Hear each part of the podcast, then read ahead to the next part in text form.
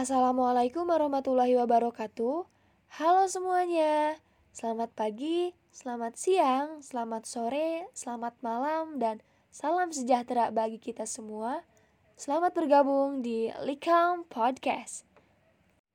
Di sesi kali ini saya akan berbincang hangat dengan narasumber yang luar biasa sekali di mana beliau merupakan seorang mitra yang sekarang menjabat sebagai Wakil Ketua Umum UKM Likam UIN Bandung. Selain itu, beliau juga merupakan owner dari borbil.id. Langsung aja saya sapa, halo Kang Fahmi. Apa kabar nih Kang Fahmi? Oke, halo semuanya. Untuk kabar alhamdulillah dalam keadaan sehat walafiat ya, dalam keadaan baik gitu. Nah, ini untuk ibu moderatornya sendiri, untuk kabarnya gimana nih kira-kira nih? Wah wah, sebelumnya saya kaget banget sih dengar suara Kang Fahmi yang sangat menggebu-gebu. Semangatnya sampai kerasa ke sini loh Kang Fahmi, mantap sekali, luar biasa. Oke oke oke. Kalau misalkan bicara mengenai semangat memang itu harus ya kita harus tetap semangat gitu. Walaupun dalam situasi dan kondisi apa pun kita ya jiwa semangat ya emang harus tetap ada gitu kita jangan mengeluh gitu ya intinya ya kita itu harus tetap bersyukur mensyukuri segala nikmat yang telah Allah berikan gitu. Tidak ada alasan kita untuk tidak mensyukuri nikmat dari Allah Subhanahu wa taala. Dengan cara apa? Ya dengan cara semangat menjalani hidup gitu ya. By the way, saya juga alhamdulillah Kang Fahmi uh, sekarang kabarnya baik, sehat walafiat dan alhamdulillah juga masih keburu mudik ya kemarin sebelum dilarang. Dan sekarang posisi lagi di rumah lagi mudik kalau Kang Fami sendiri posisi lagi di mana nih sekarang? Oke, ini mantap ya Teh Helmi gitu. Ini sebagai moderator udah mudik di kampung halamannya nih. Apa kabar ini sekeluarga nih? Baik ya? Wah, I see, I see. Setuju sih sama apa yang dikatakan oleh Kang Fahmi ya. Seperti apa pun situasi kita, bagaimanapun kondisi kita, semangat itu harus tetap ada gitu ya Kang Fami ya terima kasih Kang Fami udah mengingatkan ya oh ya alhamdulillah keluarga saya juga uh, dalam keadaan sehat walafiat Kang Fami uh, semuanya kabarnya baik alhamdulillah. Dan I am very grateful. Nanti di nanti disalamin deh ya ke keluarga Helmi Kang Fami Cela. Kalau saya ini sekarang kebetulan masih stay di Bandung sih posisi di Bandung gitu ya. Uh, menjalan masih menjalani bisnis juga gitu di Bandung. Kalau misalkan untuk mudik kebetulan saya juga ada kampung halaman. Ya kalau mudik mungkin sekarang eh, bukan enggak ya tapi depending kayaknya. Kita di sini hari raya di Bandung terlebih dahulu nanti kita mudiknya pas tanggal 3 atau 4 Syawal gitu sekalian hawalan keluarga gitu. Jadi nanti kita kumpul-kumpul keluarganya pas eh, tanggal 3 Syawal ke sana lah gitu. Seperti itu Nah, jadi di sharing session kali ini saya bakalan sedikit berbincang nih dengan Kang Fahmi mengenai kegiatan apa saja sih yang menjadi rutinitas Kang Fahmi pada saat ini, kemudian bagaimana sih uh, perkembangan dari bisnis yang Kang Fahmi jalankan saat ini, apa saja sih tips and triknya seperti itu. Tapi sebelumnya saya ingin bertanya nih Kang, sebenarnya sejak kapan sih uh, Kang Fahmi mulai tertarik untuk terjun ke dunia bisnis gitu? Kemudian apa yang menjadi motivasi Kang Fahmi untuk memulai berbisnis? oke oke siap ya. Nanti sampaikan ya salamnya ya jangan lupa ya. Oke baik. Bismillah. Nah mungkin ini Saya mulai cerita mungkin ya sekarang ya. Siap siap siap. Mulai dari mana sih tadi pertanyaannya tuh? Oh mulai dari kegiatan sekarang ngapain aja sih gitu ya Nah, jadi kegiatan sekarang selain kuliah karena saya juga masih kuliah ya, dikarenakan sekarang kuliahnya daring gitu. Jadi ya saya sibuknya sibuk kuliah daring, ngerjain tugas dan lain sebagainya. Selain itu juga ya eh, saya bisnis juga gitu, seperti itu.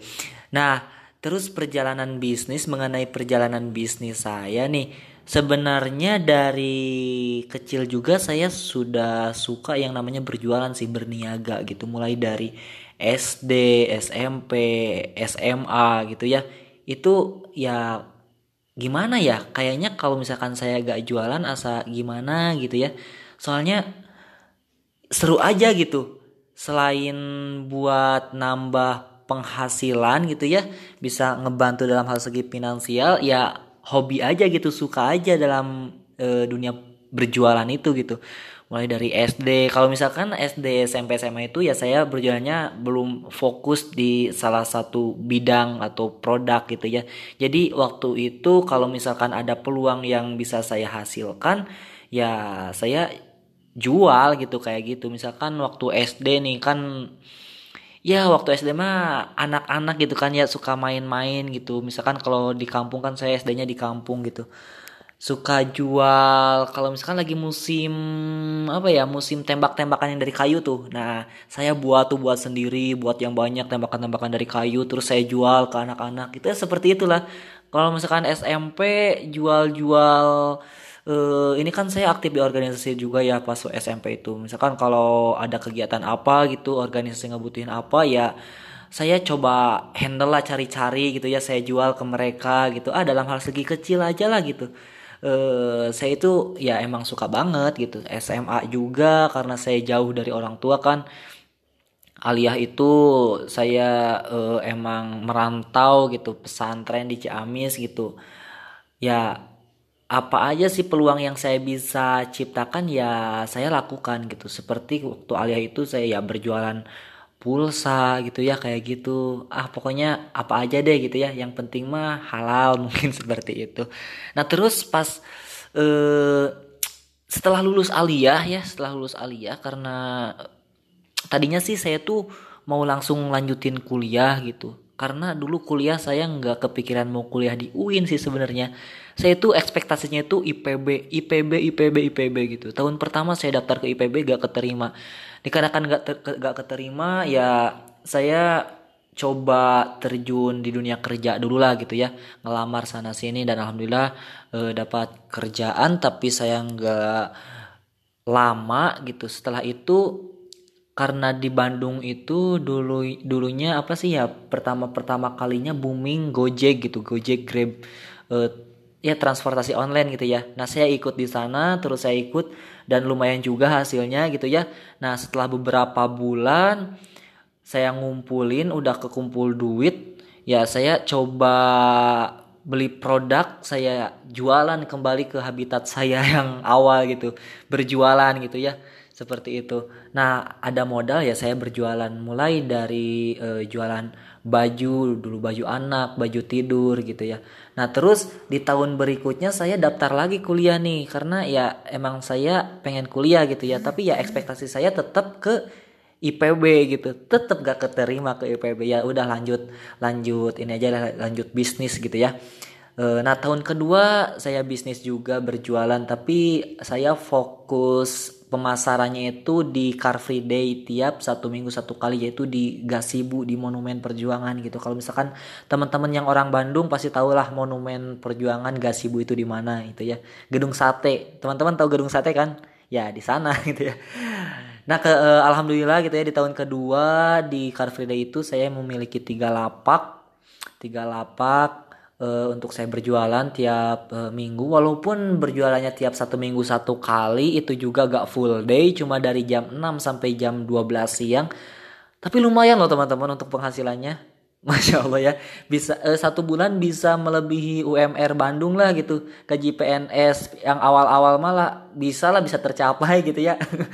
Di waktu cuma berjualan dalam satu bulan empat kali lumayan sih Alhamdulillah gitu Nah, seiring berjalannya waktu eh tahun berikutnya saya coba daftar lagi IPB dan gak keterima. Ya udah deh saya coba daftar di UIN dan daftar di UIN juga.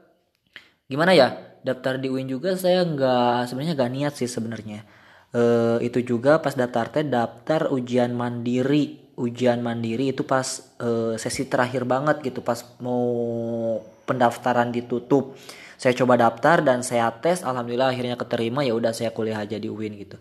Nah eh, pas eh, kuliah di UIN itu saya masih berjualan juga kan Sabtu Minggu kan libur ya. Nah jadi hari Minggunya saya bisa dipakai untuk jualan juga tuh pas kuliah sambil berjualan. Nah, alhamdulillah seperti itu. Terus berjalan berjalan berjalan alhamdulillah dari hasil itu ya saya udah bisa eh, ini mah untuk motivasi aja ya. Bisa kebeli motor sendiri gitu bisa kebeli HP sendiri beli laptop sendiri ya dan eh, lain sebagainya gitu seperti itu. Oke langsung lanjut. Selek pas ada pandemi nih. Aduh ada pandemi bingung juga kan saya ya.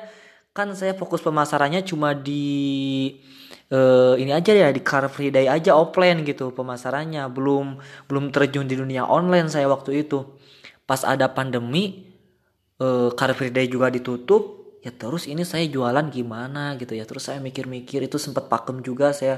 Uh, soalnya kan yang saya jual itu kan baju tidur karakter gitu ya. Kalau misalkan saya pasarkan di online tiap datang barang itu karakternya beda-beda dan saya harus motoin terus-terusan gitu. Itu males banget untuk motoin-motoinnya. Jadi saya kepikiran nih pas waktu itu eh kepikiran itu kayak gini kan ada saudara saya nih saudara saya itu memiliki toko seragam sekolah dan toko seragam sekolahnya itu udah gede banget udah memiliki tiga cabang gitu ya. Nah si produknya itu ya emang melimpah gitu ya. Stok barangnya itu banyak banget. Nah di sana saya kepikiran kalau misalkan baju seragam sekolah kan eh gak si modelnya itu tetap itu itu aja dari tahun ke tahun gitu ya gak ganti-ganti. Ya saya juga dalam hal segi posting memosting ya tinggal ganti-ganti apa sih edit-edit dikit lah ganti background dan lain sebagainya gitu. Untuk modelnya mah ya tetap itu itu aja gitu ya. Kayaknya lebih mudah deh kalau misalkan masarin seragam sekolah seperti itu. Nah akhirnya mulai deh saya coba eh, masarin seragam sekolah gitu ya lewat online. Terus saya pinjam sampel-sampel bajunya semuanya saya foto-fotoin saya edit-edit saya masukin di Shopee gitu ya. Masuk masuk masukin di Shopee. Nah pas awal-awal aduh orderan anyep. Itu beneran anyep. Gimana mau ada orderan yang lihat toko saya aja masih dikit gitu ya? Nggak dikit juga sih kadang mah nggak ada yang lihat toko sama sekali. Seperti itu. Nah terus dari situ saya tuh ah gimana ya caranya biar uh, cepet si barang ini cepet closing gitu ya. Akhirnya saya nanya-nanya ke paman kan paman jualan di Shopee juga tapi dia lebih ke dunia perhelman gitu kayak gitu.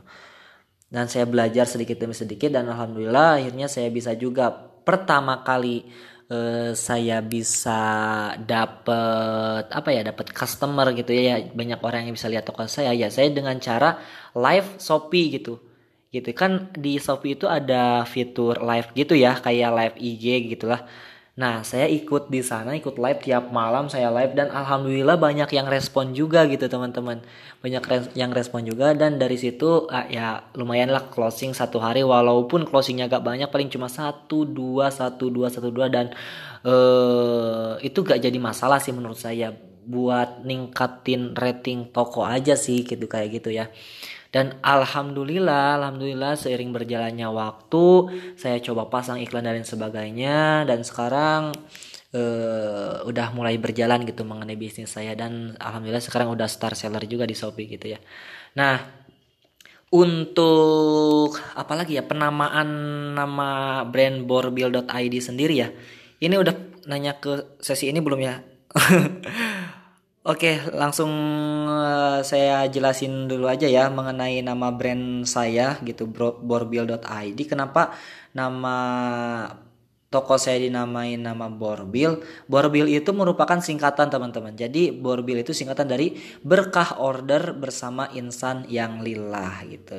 Dikarenakan saya eh saya dikarenakan kan saya itu uh, di UIN jurusan hukum ekonomi syariah juga ya. Gimana caranya saya memiliki bisnis tapi tidak melenceng dari e, syariat seperti itu.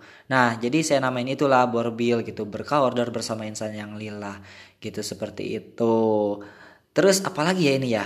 Nanti deh kalau selebihnya mah bisa tanya-tanya lagi aja sama moderator ya. Di sini saya ngejelasin yang tadi moderator tanyakan terlebih dahulu mengenai kapan pertama kali tertarik tadi itu ya pertama kali tertarik dari kecil tadi udah dijelasin sama saya dari kecil sebenarnya terus uh, di dunia uh, bisnis apa di dunia bisnis ya di dunia bisnis bisa termotivasi terjun di sana ya emang pas awal-awal emang saya suka di terjun di dunia itu eh termasuk hobi juga sih sebenarnya kayak gitu. Untuk motivasi ya untuk teman-teman jangan jangan apa ya jangan baru aja mulai terus teman-teman eh udah ngeluh gitu. Ngeluh sebelum teman-teman berjuang gitu kayak gitu. Baru aja mulai teman-teman udah ngeluh jangan seperti itu. Saya juga kan pas awal-awal emang orderan gak ada gitu ya orderan anyap gitu kayak gitu. Tapi kalau misalkan kita tekunin dan kita terus-terusan istiqomah gitu ya jangan ngeluh terus berjuang tetap semangat pasti eh, apa yang kita lakuin itu pasti akan ada hasilnya seperti itu Nah, mungkin itu ya untuk perjalanan bisnis saya. Untuk selebihnya boleh deh tanya-tanya sok sama moderator sok nanti akan saya jawab ya. Kalau misalkan saya ngejelasin begitu rinci gitu ya, aduh saya itu bukan tipe orang yang suka berbicara tipe motivator gitu. Jadi saya nggak bisa berbicara lebih banyak memotivasi teman-teman semua gitu. Tapi kalau misalkan ada yang ditanyakan boleh deh nanti akan saya jawab. Oke lanjut ya. Siap. Mangga ibu moderator Berarti perjalanan bisnis Kang Fami itu bisa dikatakan cukup panjang juga ya teman-teman. Uh, tadi juga dikatakan bahwasannya Kang Fahmi uh, mulai pertama kali terjun ke dunia bisnis itu pada usia eh pada saat SD. Nah, berarti memang sejak kecil Kang Fahmi itu udah ada bibit-bibit atau jiwa-jiwa wirausaha gitu. Nah, terkait dengan kondisi saat ini nih uh, Kang Fahmi uh, di situasi real yang terjadi di Indonesia akhir-akhir ini dan mungkin sampai saat ini ya di mana wabah COVID-19 adalah sebuah dilema yang nyata dan sedikit yang banyak yang saya pahami dan yang saya tahu uh, betapa dilematisnya keputusan yang diambil pemerintah untuk menangani wabah tersebut, wabah ini gitu, wabah virus corona ini. Kita mungkin bisa saja ya sebagai masyarakat untuk mengontrol persebaran corona dalam waktu satu atau dua bulan gitu. Tapi tentunya hal tersebut uh, mengakibatkan harus adanya pengorbanan terkait terlebih kepada pengorbanan uh, kepada perekonomian negara perekonomian masyarakat gitu. Di mana contohnya banyak sekali uh, para pekerja yang di PHK kemudian para UMKM yang harus vakum karena adanya wabah corona ini gitu. Nah artinya kan gak ada pendapatan sama sekali tuh. Bahkan tidak sedikit juga yang rugi sampai harus uh, sampai ada yang harus gulung tikar. Nah, saya rasa hal ini juga berdampak ya mungkin ke uh, terhadap bisnis yang Kang Fahmi jalani. Pertanyaan saya uh, apa sih yang menjadi perubahan apa yang apa perubahan yang dirasakan oleh Kang Fahmi sebel terhadap bisnis yang Kang Fahmi jalankan sebelum dan setelah adanya uh, wabah virus corona ini gitu. Karena kan Kang Fami juga memang sudah panjang ya perjalanan bisnisnya gitu. Jadi saya pengen tahu apa saja perubahan-perubahan yang terjadi setelah ada uh, virus corona ini gitu. Kemudian kendala-kendala apa yang Kang Fami rasakan terlebih terhadap bisnis Kang Fami yang sekarang gitu ya yang sedang dijalankan saat ini gitu apa saja kendalanya gitu kemudian kerugian apa saja yang didapatkan seperti itu Kang Fami Oke, sip ya. Kalau misalkan ditanya dalam hal segi pendapatan itu emang benar-benar sangat berdampak sekali ya, khususnya bagi kita yang emang dihadapi dengan situasi yang serba dadakan gitu ya. Kan pandemi itu dadakannya, jadi perekonomian itu langsung tiba-tiba cep aja gitu ya. Kayak yang berubah 360 derajat gitu. Dan kita juga karena belum ada persiapan sebelumnya ya lumayan rada bingung juga untuk beradaptasinya gitu seperti itu. Kalau misalkan eh, kondisi sebelum dan sesudah pandemi kalau misalkan sebelumnya sih mengenai bisnis saya ya saya bilang lancar-lancar aja gitu ya. Dan saya juga berekspektasi bahwa eh, ya misalkan tahun depan saya pengen udah punya toko sendiri terus udah oh, udah di konsep lah pengen ini pengen ini pengen ini. Tapi setelah adanya pandemi keinginan tersebut kayak yang aduh gimana ini bisa tercapai apa enggak? gitu ya. Dikarenakan kan bisnis saya udah kayak yang nggak jalan gitu setelah adanya pandemi. Soalnya eh, produk saya juga numpuk gak bisa terjual kayak gitu. Tapi eh ya itu semua nggak jadi masalah sih. Karena kalau misalkan cuma hanya dipikirin aja gak direalisasikan gak dieksekusi uh, ya tetap gitu-gitu aja gitu gak akan menemukan jalan keluar. Jadi walaupun dihadapi dengan situasi seperti itu pandemi ya ya kita berusaha mencari jalan keluarnya supaya apa ya supaya kita itu masih tetap bisa hidup gitu. Dalam artian ya supaya kita itu masih bisa berjalan dalam bisnis kita bisnis kita gitu nggak cukup stop sampai di situ aja gitu seperti itu. Kalaupun ya misalkan kalau misalkan saya saya itu orangnya dulu bener ya ini jujur jujur jujuran ya. Kalau misalkan sebelum pandemi itu saya orangnya sangat boros banget asli. Boros gitu. Padahal penghasilan saya satu bulan itu e, bisa kebilang cukup lah lebih dari hmm, bisa kebilang apa ya menafkahi seorang perempuan mah bisa lah. Gitu ya. Mungkin ya mungkin mungkin. Karena kan saya boros gitu ya. Ya uang dari hasil saya berjualan dari saya hasil saya berbisnis itu ke mana ya? Gak tahu ke mana gitu. Karena saya itu dalam hal segi memanage uang manajemennya itu sangat eh amburadul pisan gitu. Kalau misalkan saya tahu mau ada pandemi seperti ini mungkin dari dulu ya dari mulai awal saya bisnis, maksudnya awal saya bisnis eh, pakaian gitu mulai dari serag eh, apa sih baju tidur itu mungkin akan saya kumpulkan penghasilan saya akan saya kumpulkan kumpulkan kumpulkan eh, biar pas di masa pandemi ini saya tinggal bisa meneruskan bikin produk sesuatu imajinasi yang baru gitu kayak gitu. Tapi saya tidak berpikir ke sana asli ini. Saya nggak berpikir ke depannya akan seperti apa gitu. Jadi tiap kali ada penghasilan saya pegang uang saya mau apa yang ada dalam pikiran saya langsung beli beli beli. Kayak gitu ya. Jadi saya juga misalkan kalau misalkan ada HP baru saya ah mau beli lah beli HP baru gitu beli apalah gitu ya yang saya suka menurut saya suka langsung beli beli jadi gak dipikirkan gak dipikirkan dulu gitu. Itu yang salah dalam diri saya gitu ya. Tidak bisa memanage dalam hal segi khususnya dalam hal segi keuangan gitu tidak bisa juga memprediksi ke depannya bakal seperti apa. Itu yang harus teman-teman hindari ya. Jadi kalau misalkan teman-teman berbisnis teman-teman itu harus memikirkan semuanya harus terkonsep gitu. Jadi eh, si uang penghasilan uang kita ini tuh mau dipetakan ke mana aja sih gitu. Terus eh, ekspektasi harapan kita ke depannya itu akan seperti apa gitu. Harapan-harapan ke depannya itu targetan-targetan ke depannya itu akan seperti apa dan harus kita siapkan dari sekarang gitu ya.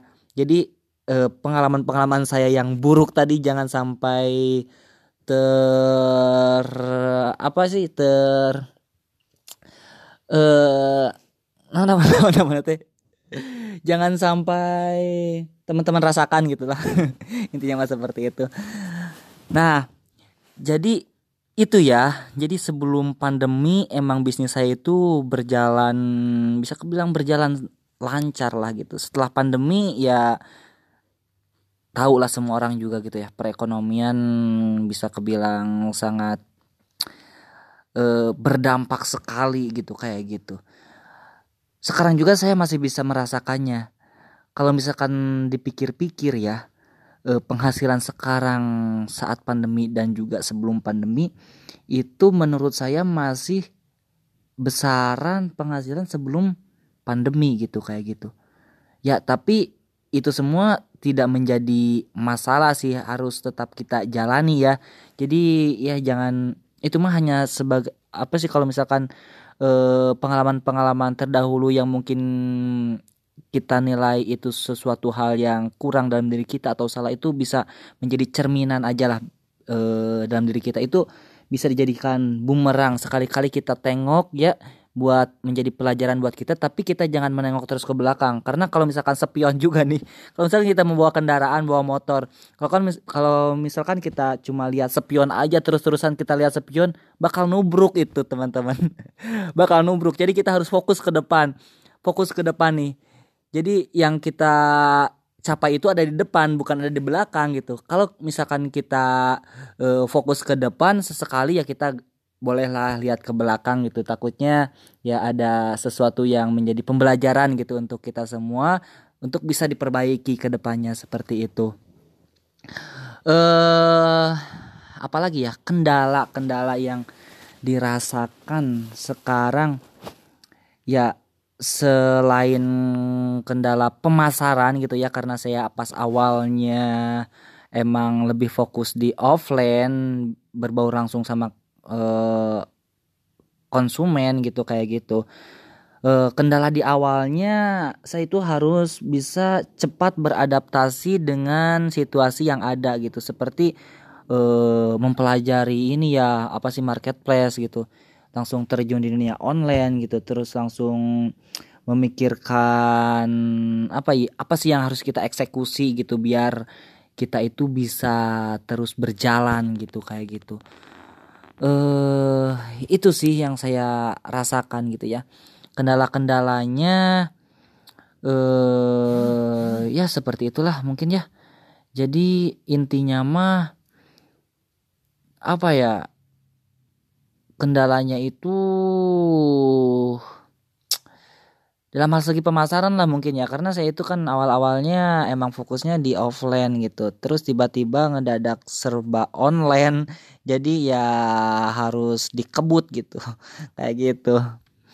Untuk kondisinya tadi sudah saya paparkan ya di awal ya mungkin seperti itu ibu moderator. Terima kasih. Monggo lanjut Oke oke. Jadi memang banyak sekali perubahan-perubahan yang terjadi sebelum dan setelah adanya COVID-19 uh, eh, yang berpengaruh terhadap bisnis yang Kang Fahmi jalankan ya Kang ya. Nah tadi juga disebutkan bahwasannya salah satu kendalanya itu mengenai proses pemasaran. Nah di mana pada awalnya proses pemasaran Kang Fahmi itu dilakukan secara offline. Nah sekarang tiba-tiba harus dilakukan secara online gitu kan karena memang saat pandemi ini semua sistem itu harus dilakukan secara online. Bahkan dunia pendidikan pun pembelajaran pun harus dilakukan secara online gitu kan.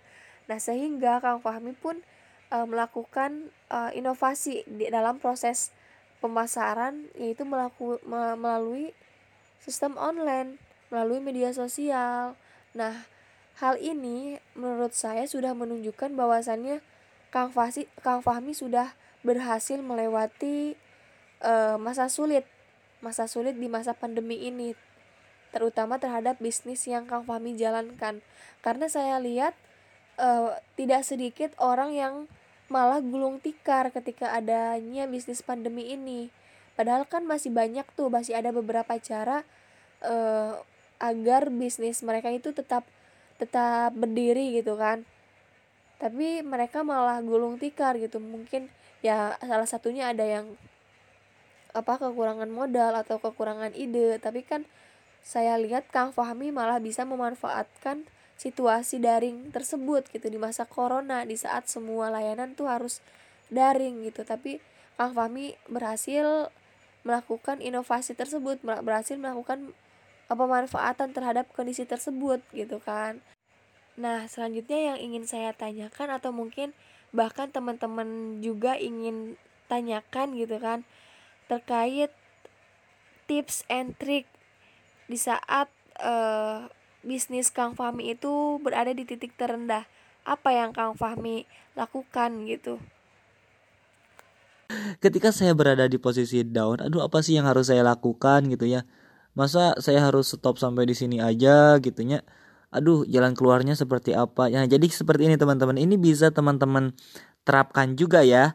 Jadi sebenarnya ada beberapa nih, eh, ada beberapa yang bisa kita lakukan ketika kita sedang berada di posisi down. Misal, misalnya, eh, ketika kita sedang bingung nih mengenai bisnis kita kok eh, seperti ini ya. Coba kita jangan terlalu dipikirkan terlebih dahulu, tapi kita coba tenangkan diri kita gitu. Dengan cara apa? Ya, eh, ketika kita misalkan pikiran mumet nih, terus, eh, aduh kumaha gitunya serba dipikirin. Coba kita mencoba untuk menenangkan diri terlebih dahulu. Dengan cara apa misalkan? Dengan cara jalan-jalan lah gitu. Atau ke uh, atau enggak dengan cara berolahraga atau enggak uh, apa aja deh yang bisa membuat teman-teman menjadi lebih tenang gitu seperti itu. Nah, eh dengan dengan menenangkan pikiran ya.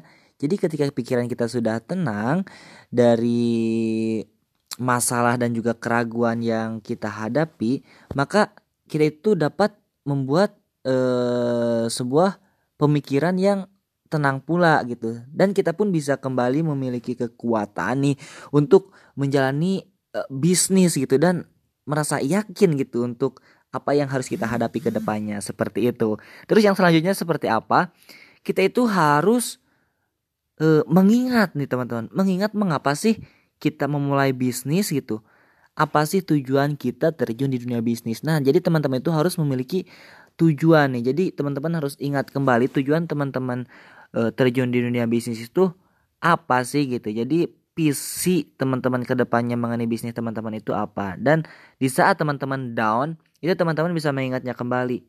Saya itu punya targetan seperti ini. Saya terjun di dunia bisnis itu, saya pengen seperti ini, seperti ini, seperti ini. Jikalau misalkan saya sekarang down dan diam-diam saja, terus nanti tujuan saya ini masa harus terkubur begitu saja gitu, tidak bisa tercapai gitu ya. Misalkan kalau uh, tujuan saya berbisnis, saya berbisnis misalkan uh, dua tahun lagi saya pengen nikah, terus uh, sebelum menikah saya pengen ngeberangkatin kedua orang tua saya haji gitu. Kalau misalkan bisnis kita dalam posisi down nih, terus kita nggak mau bangkit-bangkit, yakin nggak kita bisa ngeberangkatin orang tua kita haji?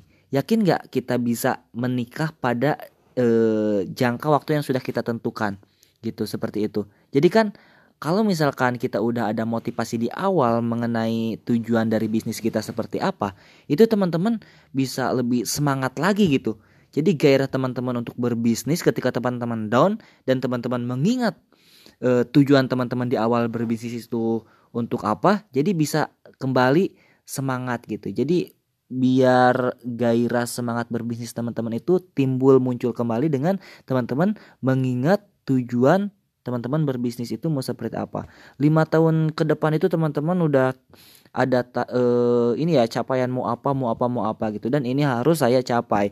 Kalau misalkan bisnis saya down, ya saya harus terus bangkit dengan bisnis saya. Tidak boleh down dan stop di sampai di situ aja. Kalau misalkan stop sampai di situ aja, tujuan saya ke depannya itu bakal uh, ya bakal hanya sekedar angan-angan aja gitu gak bakal terrealisasikan gitu kayak gitu jadi ya intinya teman-teman harus memiliki motivasi tujuan berbisnis seperti apa? Jadi ketika down teman-teman bisa mengingat kembali apa tujuan teman-teman dan bisa bangkit gitu. Seperti itu. Terus yang selanjutnya eh teman-teman juga bisa mengubah fokus. Maksudnya gimana? Jadi ketika misalkan eh teman-teman melakukan hal yang sama berulang-ulang dan mengharapkan hasil yang berbeda, maka coba mengubah fokus dan tujuan kita gitu. Nah, jika misalkan nih, misalkan bisnis kita macet, coba deh kita identifikasi nih apa sih yang menjadi penghambat gitu. Dan kita itu harus segera proaktif membuat sebuah perubahan. Jangan uh, kita apa sih bisnis kita stop asak macet gitu ya tapi kita diam aja gitu dalam jalan bisnis yang seperti itu. Tapi kita jangan seperti itu. Kita harus mengidentifikasi nih apa sih yang menjadi penghambatnya? Dan kita juga harus segera proaktif gitu membuat sebuah perubahan. Nah seperti itu ya. Nah jadi e, bila kita hanya berada di jalur yang sama misalkan ya berada di jalur yang sama tapi kita ingin hasil yang berbeda maka kemungkinannya ya akan gagal-gagal kembali gitu seperti itu. Jadi ya kita itu harus mencoba mengubah fokus dan tujuan kita gitu seperti itu. Kayak gitu ya. Jadi ya harus lebih proaktif lah mengenai bisnis kita. Yang selanjutnya itu apa ya? Kita itu harus berpikir positif teman-teman. Jadi kadang ya, kadang hasil dari bisnis kita atau misalkan hasil dari karir kita ini merupakan hasil dari pemikiran atau perasaan dan tindakan kita masing-masing gitu. Kalau misalkan kita berpikirnya gagal nih, dalam pikiran kita gagal, gagal, gagal, maka yang akan kita dapatkan ya akan mempengaruhi kepercayaan diri kita dan kita itu akan cenderung mengalami kegagalan gitu karena yang ada dalam pikiran kita ya gagal, gagal dan gagal gitu gitu teman-teman. Jadi begitu kita terjebak dalam siklus ini ya, maka ya akan sulit gitu untuk menarik diri kita keluar dari zona keterpurukan mungkin ya seperti itu. Nah, jadi ya eh kita itu ya harus fokus sih teman-teman. Jadi harus memperbaiki pola pikir kita. Jadi kita tuh harus berpikir positif, optimis gitu ya. Berpikir optimis, jangan pesimis. Apa pun yang kita lakukan, kita pasti bisa melakukannya. Gitu. Kita kita harus optimis, harus positif, berpikir positif. Jangan berpikir negatif gitu. Kayak gitu ya. Terus yang selanjutnya eh ketika kita berada di posisi seperti itu ya kita harus apa ya harus mencoba bisa mendekati orang-orang yang mungkin bisa mempengaruhi diri kita supaya kita bisa lebih uh, cepat bangkit gitu misalkan kita apa ya misalkan kita kumpul bareng orang-orang yang emang orang-orang itu bisa melahirkan uh, melahirkan hal-hal yang berdampak positif untuk diri kita gitu. Seperti itu. Jadi kita itu bisa lebih termotivasi lagi lah untuk mencapai sebuah tujuan kayak gitu ya. Yang selanjutnya apa ya? Selanjutnya itu ya kita itu harus berani ambil resiko lah teman-teman. Nah, jika kita melihat setiap kegagalan ya dan eh, salah langkah itu sebagai tanda anda itu atau kita itu harus berhenti, maka ya kita tidak akan pernah bisa ke mana-mana gitu teman-teman. Jadi jika kita menganggapnya sebagai eh, kesempatan ya, eh, kesempatan tumbuh dan berkembang gitu. Nah ini merupakan langkah maju yang bisa otomatis kita menuju ke arah yang lebih benar gitu. Jadi ya bersedia mengambil eh, resiko ini sangat penting gitu meski meskipun ya meskipun kita mungkin aja gagal gitu yang apa ya ya meskipun kita juga gagal gitu dalam melakukan sebuah e, tindakan itu gitu tapi ya ini menjadi kesempatan terbaik untuk kita teman-teman. Menjadi kesempatan terbaik untuk apa? Ya untuk lebih belajar lagi. Karena eh orang-orang ya dengan keuletan dan bisa mengubah sesuatu menjadi hal yang lebih baik lagi itu mungkin menjadi cara untuk tetap apa ya untuk tetap maju dan berkembang gitu. Seperti itu. Terus yang terakhir nih ya ini poin intinya. Teman-teman ya harus sabar. Harus sabar gitu. Karena menurut pepatah juga ya mengatakan bahwa eh, agar tidak membuat keputusan eh, saat kita sedang berada di posisi misalkan posisi tensi eh, apa ya tensi emosi kita lagi tinggi ya coba kita membuat keputusan ketika kita sedang berada di posisi eh, sabar lah gitunya. Sedang berada di posisi tenang santai lah gitu. Kayak gitu. Jadi intinya kita itu harus sabar. Nah jadi bila misalkan kita keluar, misalkan kita keluar dari bisnis karena frustasi dan menyesal, misalkan tidak ada yang uh, itu tidak ada yang tahu teman-teman, tidak ada yang tahu ke depannya kita uh, akan seperti apa. Jadi sukses dalam berbisnis itu ya itu perlu membutuhkan waktu sebenarnya, membutuhkan waktu, terus uh, yang membutuhkan kesabaran juga. Jadi ya kita itu harus mengubah intinya harus mengubah pola pikir kita secara positif gitu kembali ke hal dasar kita dan tentukan ya tujuan kita untuk berbisnis itu tujuan kita untuk masa depan itu seperti apa. Dan ini menjadi kunci ya menjadi kunci untuk eh, tetap semangat dan positif menjalani bisnis kita kayak gitu. Intinya seperti itu ya. Siap terima kasih monggo bu moderator. Aduh maaf ini agak lama. Terima kasih banyak Kang Fami untuk tips and triknya. Karena jujur ya saya pribadi gitu uh, ketika saya berada di titik terbawah saya bingung gitu. Makanya tadi saya uh, bertanya demikian karena memang saya harus berubah. Saya pikir saya harus menemukan jawaban ketika saya uh, berada titik di titik terbawah tuh saya harus ngapain gitu. Jadi ya jawaban dari Kang Fahmi tadi cukup membantu saya gitu. Terima kasih banyak Kang Fahmi sekali lagi. Nah mungkin ada pertanyaan lagi nih terkait kondisi sekarang dan terkait produk dari Kang Fahmi juga. Uh, kiranya uh, bagaimana sih produk dari bisnis Kang Fahmi ini bisa menjawab keinginan pasar di situasi pandemi terkhusus di bulan Ramadan seperti saat ini gitu. Oke, jadi tadi pertanyaannya itu bagaimana produk dari bisnis saya itu bisa menjawab keinginan pasar di situasi pandemi gitu ya di bulan Ramadan ini.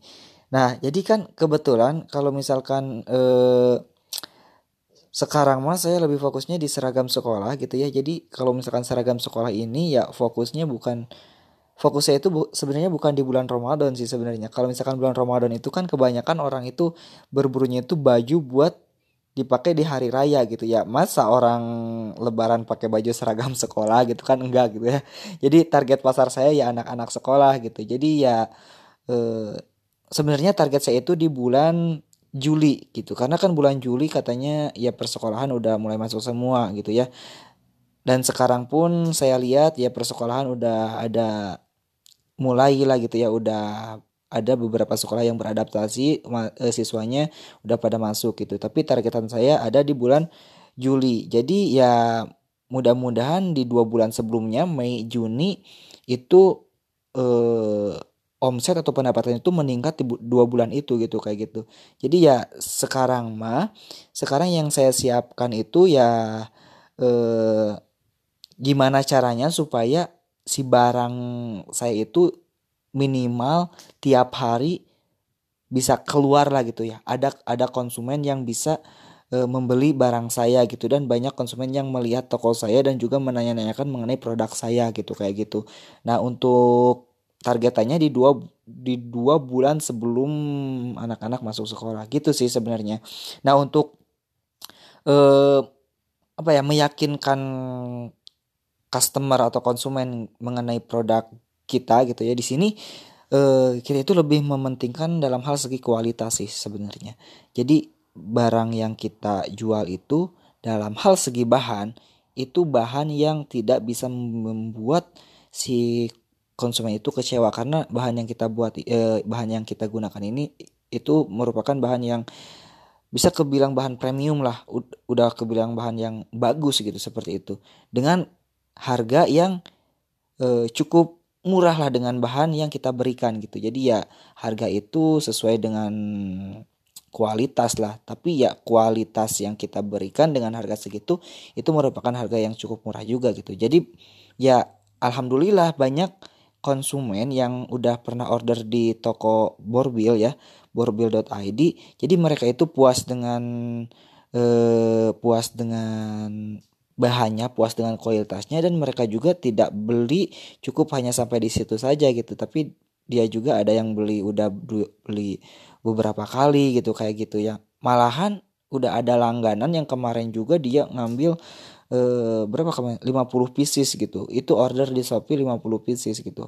Karena apa ya? Karena dia udah tahu dengan kualitas dari produk kita. Jadi ya kita sistemnya gimana caranya gitu. Si konsumen yang beli di toko kita jadi bisa continue gitu.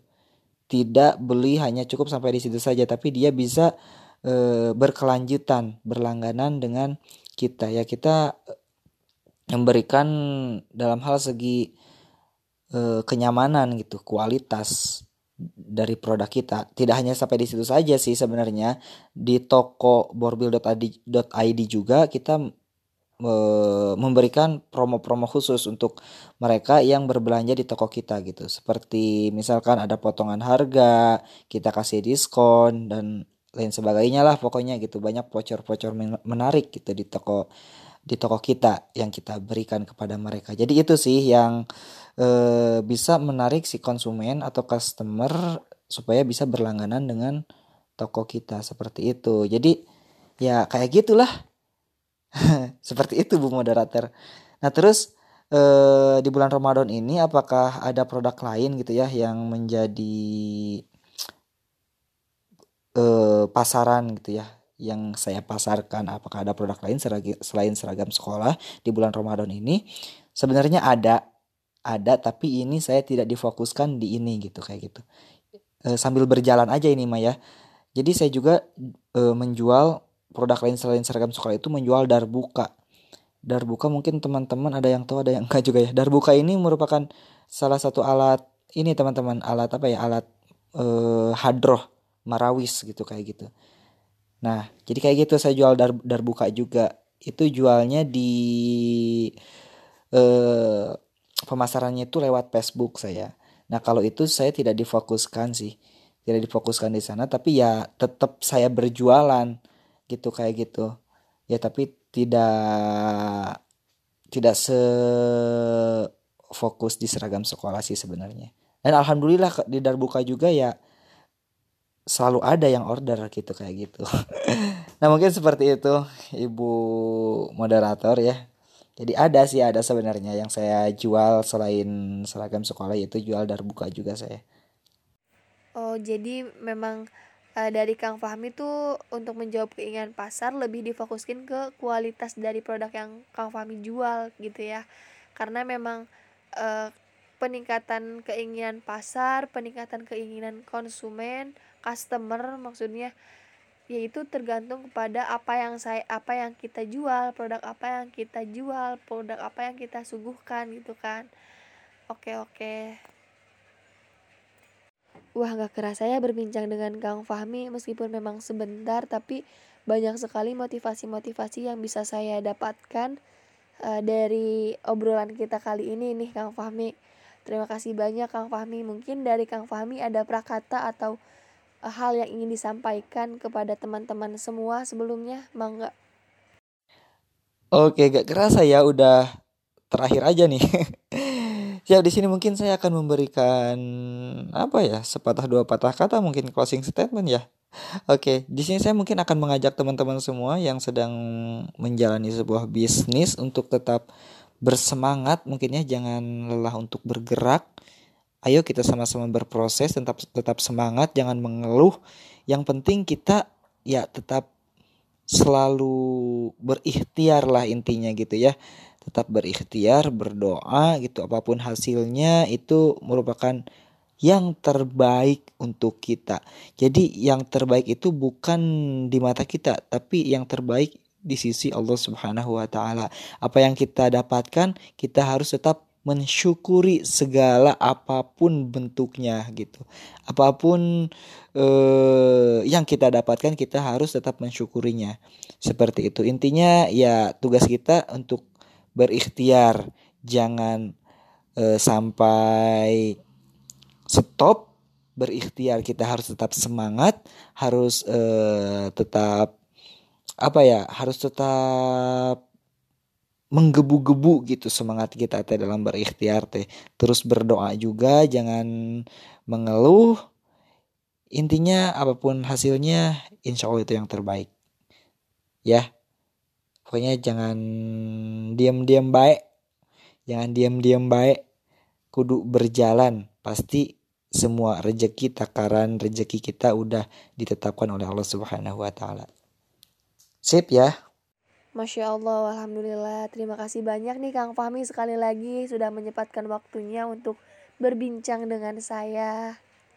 Sip, terima kasih banyak juga kepada semuanya ya yang sudah ikut berpartisipasi gitu udah bersedia mendengarkan curhatan-curhatan saya. Terima kasih banyak. Terima kasih juga kepada Ibu moderator ya yang sudah menemani saya dari awal hingga akhir. Intinya kalian semua luar biasa. Mantap. Oke, baik sama-sama Kang Fahmi. Dan terima kasih juga kepada teman-teman yang sudah setia mendengarkan sampai akhir ya. Mohon maaf sekali apabila masih terdapat banyak kekurangan. Akhir kata, wassalamualaikum warahmatullahi wabarakatuh. Harus sukses, kudu sukses, wajib sukses.